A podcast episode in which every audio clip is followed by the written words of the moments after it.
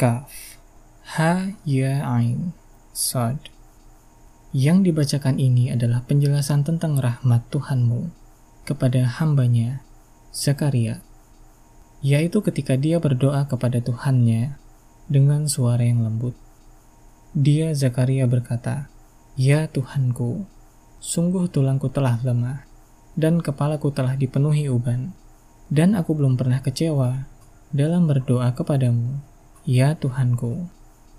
Dan sungguh, aku khawatir terhadap kerabatku, sepeninggalku, padahal istriku seorang yang mandul, maka anugerahilah aku, seorang anak dari sisimu, yang akan mewarisi aku dan mewarisi dari keluarga Yakub, dan jadikanlah dia, ya Tuhanku, seorang yang diridhoi. Allah berfirman, Wahai Zakaria, kami memberi kabar gembira kepadamu dengan seorang anak laki-laki, namanya Yahya, yang kami belum pernah memberikan nama seperti itu sebelumnya. Dia Zakaria berkata, Ya Tuhanku, bagaimana aku akan mempunyai anak, padahal istriku, seorang yang mandul, dan aku sendiri, sesungguhnya sudah mencapai usia yang sangat tua. Allah berfirman, Demikianlah, Tuhanmu berfirman, Hal itu mudah bagiku. Sungguh, engkau telah aku ciptakan sebelum itu, padahal pada waktu itu, engkau belum berwujud sama sekali. Dia Zakaria berkata, Ya Tuhanku, berilah aku suatu tanda. Allah berfirman, Tandamu ialah engkau tidak dapat bercakap-cakap dengan manusia selama tiga malam padahal engkau sehat. Maka dia keluar dari mihrab menuju kaumnya. Lalu dia memberi isyarat kepada mereka, Bertasbihlah kamu pada waktu pagi dan petang. Wahai Yahya, ambillah, pelajarilah kitab Taurat itu dengan sungguh-sungguh, dan kami berikan hikmah kepadanya, Yahya, selagi dia masih kanak-kanak. Dan kami jadikan rasa kasih sayang kepada sesama dari kami, dan bersih dari dosa, dan dia pun seorang yang bertakwa, dan sangat berbakti kepada kedua orang tuanya, dan dia bukan orang yang sombong, bukan pula orang yang durhaka. Dan kesejahteraan bagi dirinya pada hari lahirnya, pada hari wafatnya, dan pada hari dia dibangkitkan, hidup kembali. Dan ceritakanlah Muhammad kisah Maryam di dalam kitab Al-Quran yaitu ketika dia mengasingkan diri dari keluarganya ke suatu tempat di sebelah timur, Baitul Maqdis. Lalu dia memasang tabir yang melindunginya dari mereka. Lalu kami mengutus roh kami, Jibril, kepadanya. Maka dia menampakkan diri di hadapannya dalam bentuk manusia yang sempurna. Dia Maryam berkata, Sungguh, Aku berlindung kepada Tuhan yang Maha Pengasih terhadapmu jika engkau orang yang bertakwa.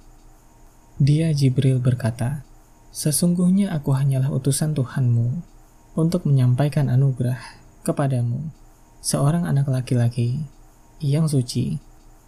Dia Maryam berkata, Bagaimana mungkin aku mempunyai anak laki-laki, padahal tidak pernah ada orang laki-laki yang menyentuhku dan aku bukan seorang pezina. Dia Jibril berkata, Demikianlah, Tuhanmu berfirman, hal itu mudah bagiku, dan agar kami menjadikannya suatu tanda kebesaran Allah bagi manusia dan sebagai rahmat dari kami, dan hal itu adalah suatu urusan yang sudah diputuskan. Maka dia, Maryam, mengandung, lalu dia mengasingkan diri dengan kandungannya itu ke tempat yang jauh. Kemudian rasa sakit akan melahirkan memaksanya bersandar pada pangkal pohon kurma. Dia Maryam berkata, Wahai betapa baiknya aku mati sebelum ini, dan aku menjadi seorang yang tidak diperhatikan dan dilupakan. Maka dia Jibril bersuruh kepadanya dari tempat yang rendah, Janganlah engkau bersedih hati, Sesungguhnya Tuhanmu telah menjadikan anak sungai di bawahmu, dan goyanglah pangkal pohon kurma itu ke arahmu. Niscaya pohon itu akan menggugurkan buah kurma yang masak kepadamu. Maka makan, minum, dan bersenang hatilah engkau. Jika engkau melihat seseorang, maka katakanlah, sesungguhnya aku telah bernazar berpuasa untuk Tuhan yang Maha Pengasih. Maka aku tidak akan berbicara dengan siapa pun pada hari ini. Kemudian dia, Maryam, membawa dia, bayi itu, kepada kaumnya dengan menggendongnya. Mereka kaumnya berkata, Wahai Maryam, sungguh engkau telah membawa sesuatu yang sangat mungkar. Wahai saudara perempuan Harun, Maryam, ayahmu bukan seorang yang buruk perangai, dan ibumu bukan seorang perempuan pezina. Maka dia Maryam menunjuk kepada anaknya. Mereka berkata, Bagaimana kami akan berbicara dengan anak kecil yang masih dalam ayunan? Dia Isa berkata, Sesungguhnya aku hamba Allah. Dia memberiku kitab, Injil, dan dia menjadikan aku seorang nabi. Dan dia menjadikan aku seorang yang diberkahi di mana saja aku berada. Dan dia memerintahkan kepadaku melaksanakan sholat dan menunaikan zakat selama aku hidup dan berbakti kepada ibuku. Dan dia tidak menjadikan aku seorang yang sombong lagi celaka dan kesejahteraan semoga dilimpahkan kepadaku pada hari kelahiranku, pada hari wafatku, dan pada hari aku dibangkitkan hidup kembali. Itulah Isa putra Maryam yang mengatakan perkataan yang benar yang mereka ragukan kebenarannya. Tidak patut bagi Allah mempunyai anak, maha suci dia. Apabila dia hendak menetapkan sesuatu, maka dia hanya berkata kepadanya, "Jadilah." Maka jadilah sesuatu itu. Isa berkata, "Dan sesungguhnya Allah itu Tuhanku dan Tuhanmu, maka sembahlah Dia. Ini adalah jalan yang lurus." Maka berselisihlah golongan-golongan yang ada di antara mereka, Yahudi dan Nasrani. Maka celakalah orang-orang kafir pada waktu menyaksikan hari yang agung Alangkah tajam pendengaran mereka dan alangkah terang penglihatan mereka pada hari mereka datang kepada kami. Tetapi orang-orang yang zalim pada hari ini di dunia berada dalam kesesatan yang nyata. Dan berilah mereka peringatan Muhammad tentang hari penyesalan, yaitu ketika segala perkara telah diputus, sedang mereka dalam kelalaian, dan mereka tidak beriman. Sesungguhnya, kamilah yang mewarisi bumi dan semua yang ada di atasnya, dan hanya kepada kami mereka dikembalikan. Dan ceritakanlah Muhammad kisah Ibrahim di dalam kitab Al-Quran. Sesungguhnya dia adalah seorang yang sangat membenarkan, seorang nabi. Ingatlah, ketika dia Ibrahim berkata kepada ayahnya, Wahai ayahku, Mengapa engkau menyembah sesuatu yang tidak mendengar, tidak melihat, dan tidak dapat menolongmu sedikit pun? Wahai ayahku, sungguh telah sampai kepadaku sebagian ilmu yang tidak diberikan kepadamu, maka ikutilah aku. Niscaya aku akan menunjukkan kepadamu jalan yang lurus. Wahai ayahku, janganlah engkau menyembah setan. Sungguh, setan itu durhaka kepada Tuhan yang Maha Pengasih. Wahai ayahku, aku sungguh khawatir engkau akan ditimpa azab dari Tuhan yang Maha Pengasih, sehingga engkau menjadi teman bagi setan. Dia ayahnya berkata, Bencikah engkau kepada Tuhan Tuhanku, wahai Ibrahim? Jika engkau tidak berhenti, pasti engkau akan kurajam. Maka tinggalkanlah aku untuk waktu yang lama dia Ibrahim berkata, Semoga keselamatan dilimpahkan kepadamu. Aku akan memohonkan ampunan bagimu kepada Tuhanku.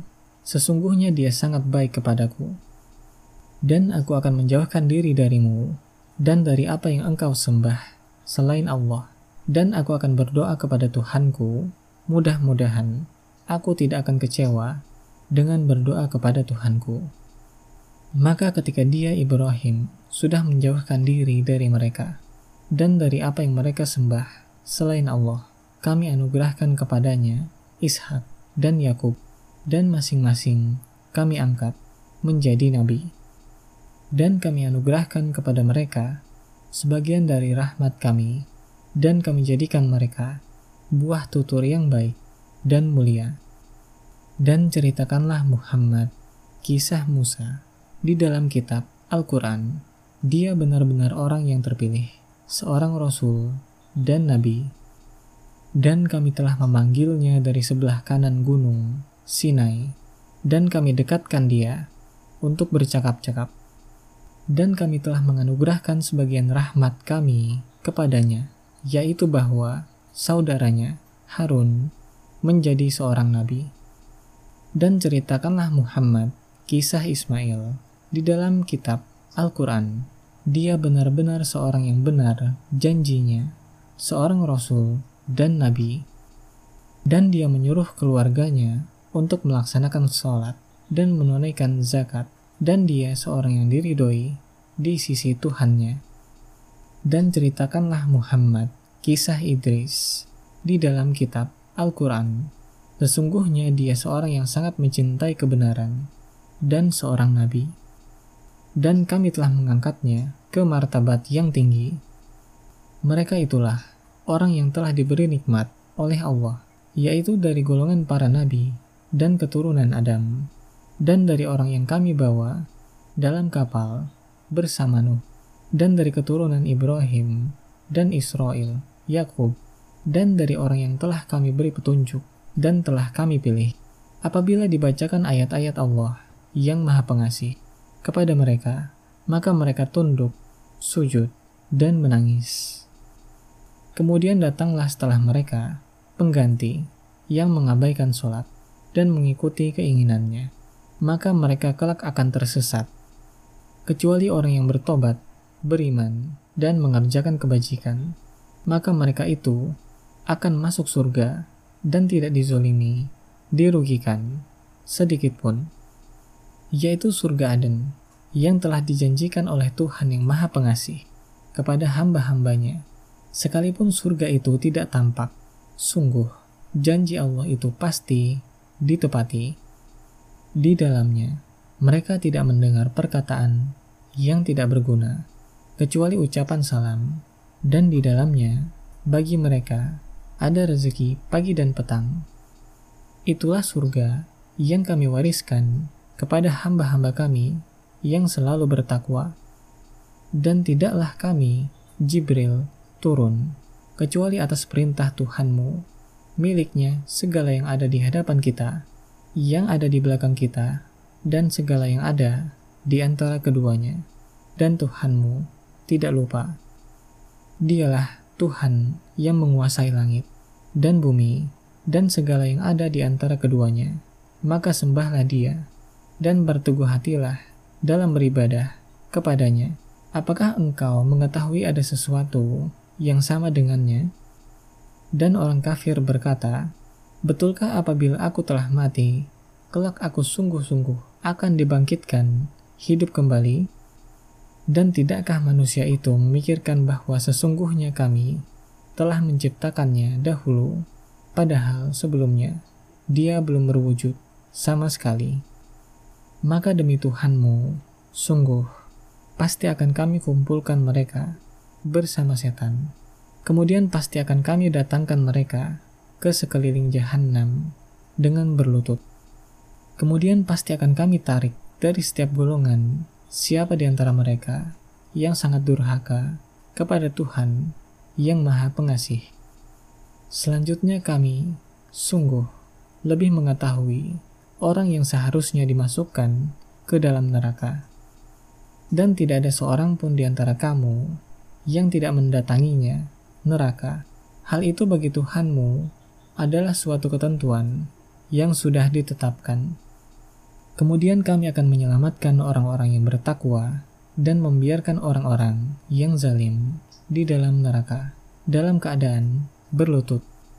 Dan apabila dibacakan kepada mereka ayat-ayat kami yang jelas, maksudnya orang-orang yang kafir berkata kepada orang-orang yang beriman, Manakah di antara kedua golongan yang lebih baik tempat tinggalnya dan lebih indah tempat pertemuannya? Dan berapa banyak umat yang ingkar yang telah kami binasakan sebelum mereka, padahal mereka lebih bagus perkakas rumah tangganya dan lebih sedap dipandang mata.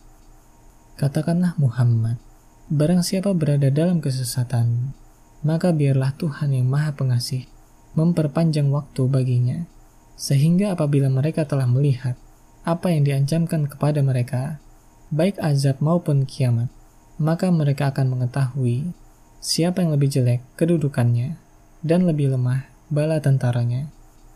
Dan Allah akan menambah petunjuk kepada mereka yang telah mendapat petunjuk dan amal kebajikan yang kekal itu lebih baik pahalanya di sisi Tuhanmu dan lebih baik kesudahannya.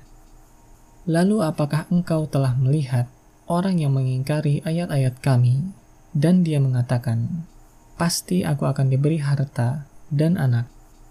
Adakah dia melihat yang goib atau dia telah membuat perjanjian di sisi Tuhan yang maha pengasih? Sama sekali tidak kami akan menulis apa yang dia katakan, dan kami akan memperpanjang azab untuknya secara sempurna. Dan kami akan mewarisi apa yang dia katakan itu, dan dia akan datang kepada kami seorang diri. Dan mereka telah memilih Tuhan-Tuhan selain Allah, agar Tuhan-Tuhan itu menjadi pelindung bagi mereka. Sama sekali tidak kelak mereka sesembahan itu akan mengingkari penyembahan mereka terhadapnya dan akan menjadi musuh bagi mereka. Tidakkah engkau melihat bahwa sesungguhnya kami telah mengutus setan-setan itu kepada orang-orang kafir untuk mendorong mereka berbuat maksiat dengan sungguh-sungguh? Maka janganlah engkau Muhammad tergesa-gesa memintakan azab terhadap mereka karena kami menghitung dengan hitungan teliti datangnya hari siksaan untuk mereka. Ingatlah, pada hari ketika kami mengumpulkan orang-orang yang bertakwa kepada Allah yang Maha Pengasih, bagaikan kafilah yang terhormat, dan kami akan menggiring orang yang durhaka ke neraka jahanam dalam keadaan dahaga. Mereka tidak berhak mendapat syafaat, pertolongan, kecuali orang yang telah mengadakan perjanjian di sisi Allah yang Maha Pengasih. Dan mereka berkata, Allah yang Maha Pengasih mempunyai anak. Sungguh, kamu telah membawa sesuatu yang sangat mungkar. Hampir saja langit pecah dan bumi terbelah dan gunung-gunung runtuh karena ucapan itu. Karena mereka menganggap Allah yang Maha Pengasih mempunyai anak dan tidak mungkin bagi Allah yang Maha Pengasih mempunyai anak. Tidak ada seorang pun di langit dan di bumi, melainkan akan datang kepada Allah yang Maha Pengasih sebagai seorang hamba. Dia Allah benar-benar telah menentukan jumlah mereka dan menghitung mereka dengan hitungan yang teliti. Dan setiap orang dari mereka akan datang kepada Allah sendiri-sendiri pada hari kiamat. Sungguh, orang-orang yang beriman dan mengerjakan kebajikan, kelak Allah yang Maha Pengasih akan menanamkan rasa kasih sayang dalam hati mereka. Maka sungguh telah kami mudahkan Al-Quran itu dengan bahasamu, Muhammad, agar dengan itu engkau dapat memberi kabar gembira kepada orang-orang yang bertakwa, dan agar engkau dapat memberi peringatan kepada kaum yang membangkang. Dan berapa banyak umat yang telah kami binasakan sebelum mereka? Adakah engkau Muhammad melihat salah seorang dari mereka, atau engkau mendengar bisikan mereka?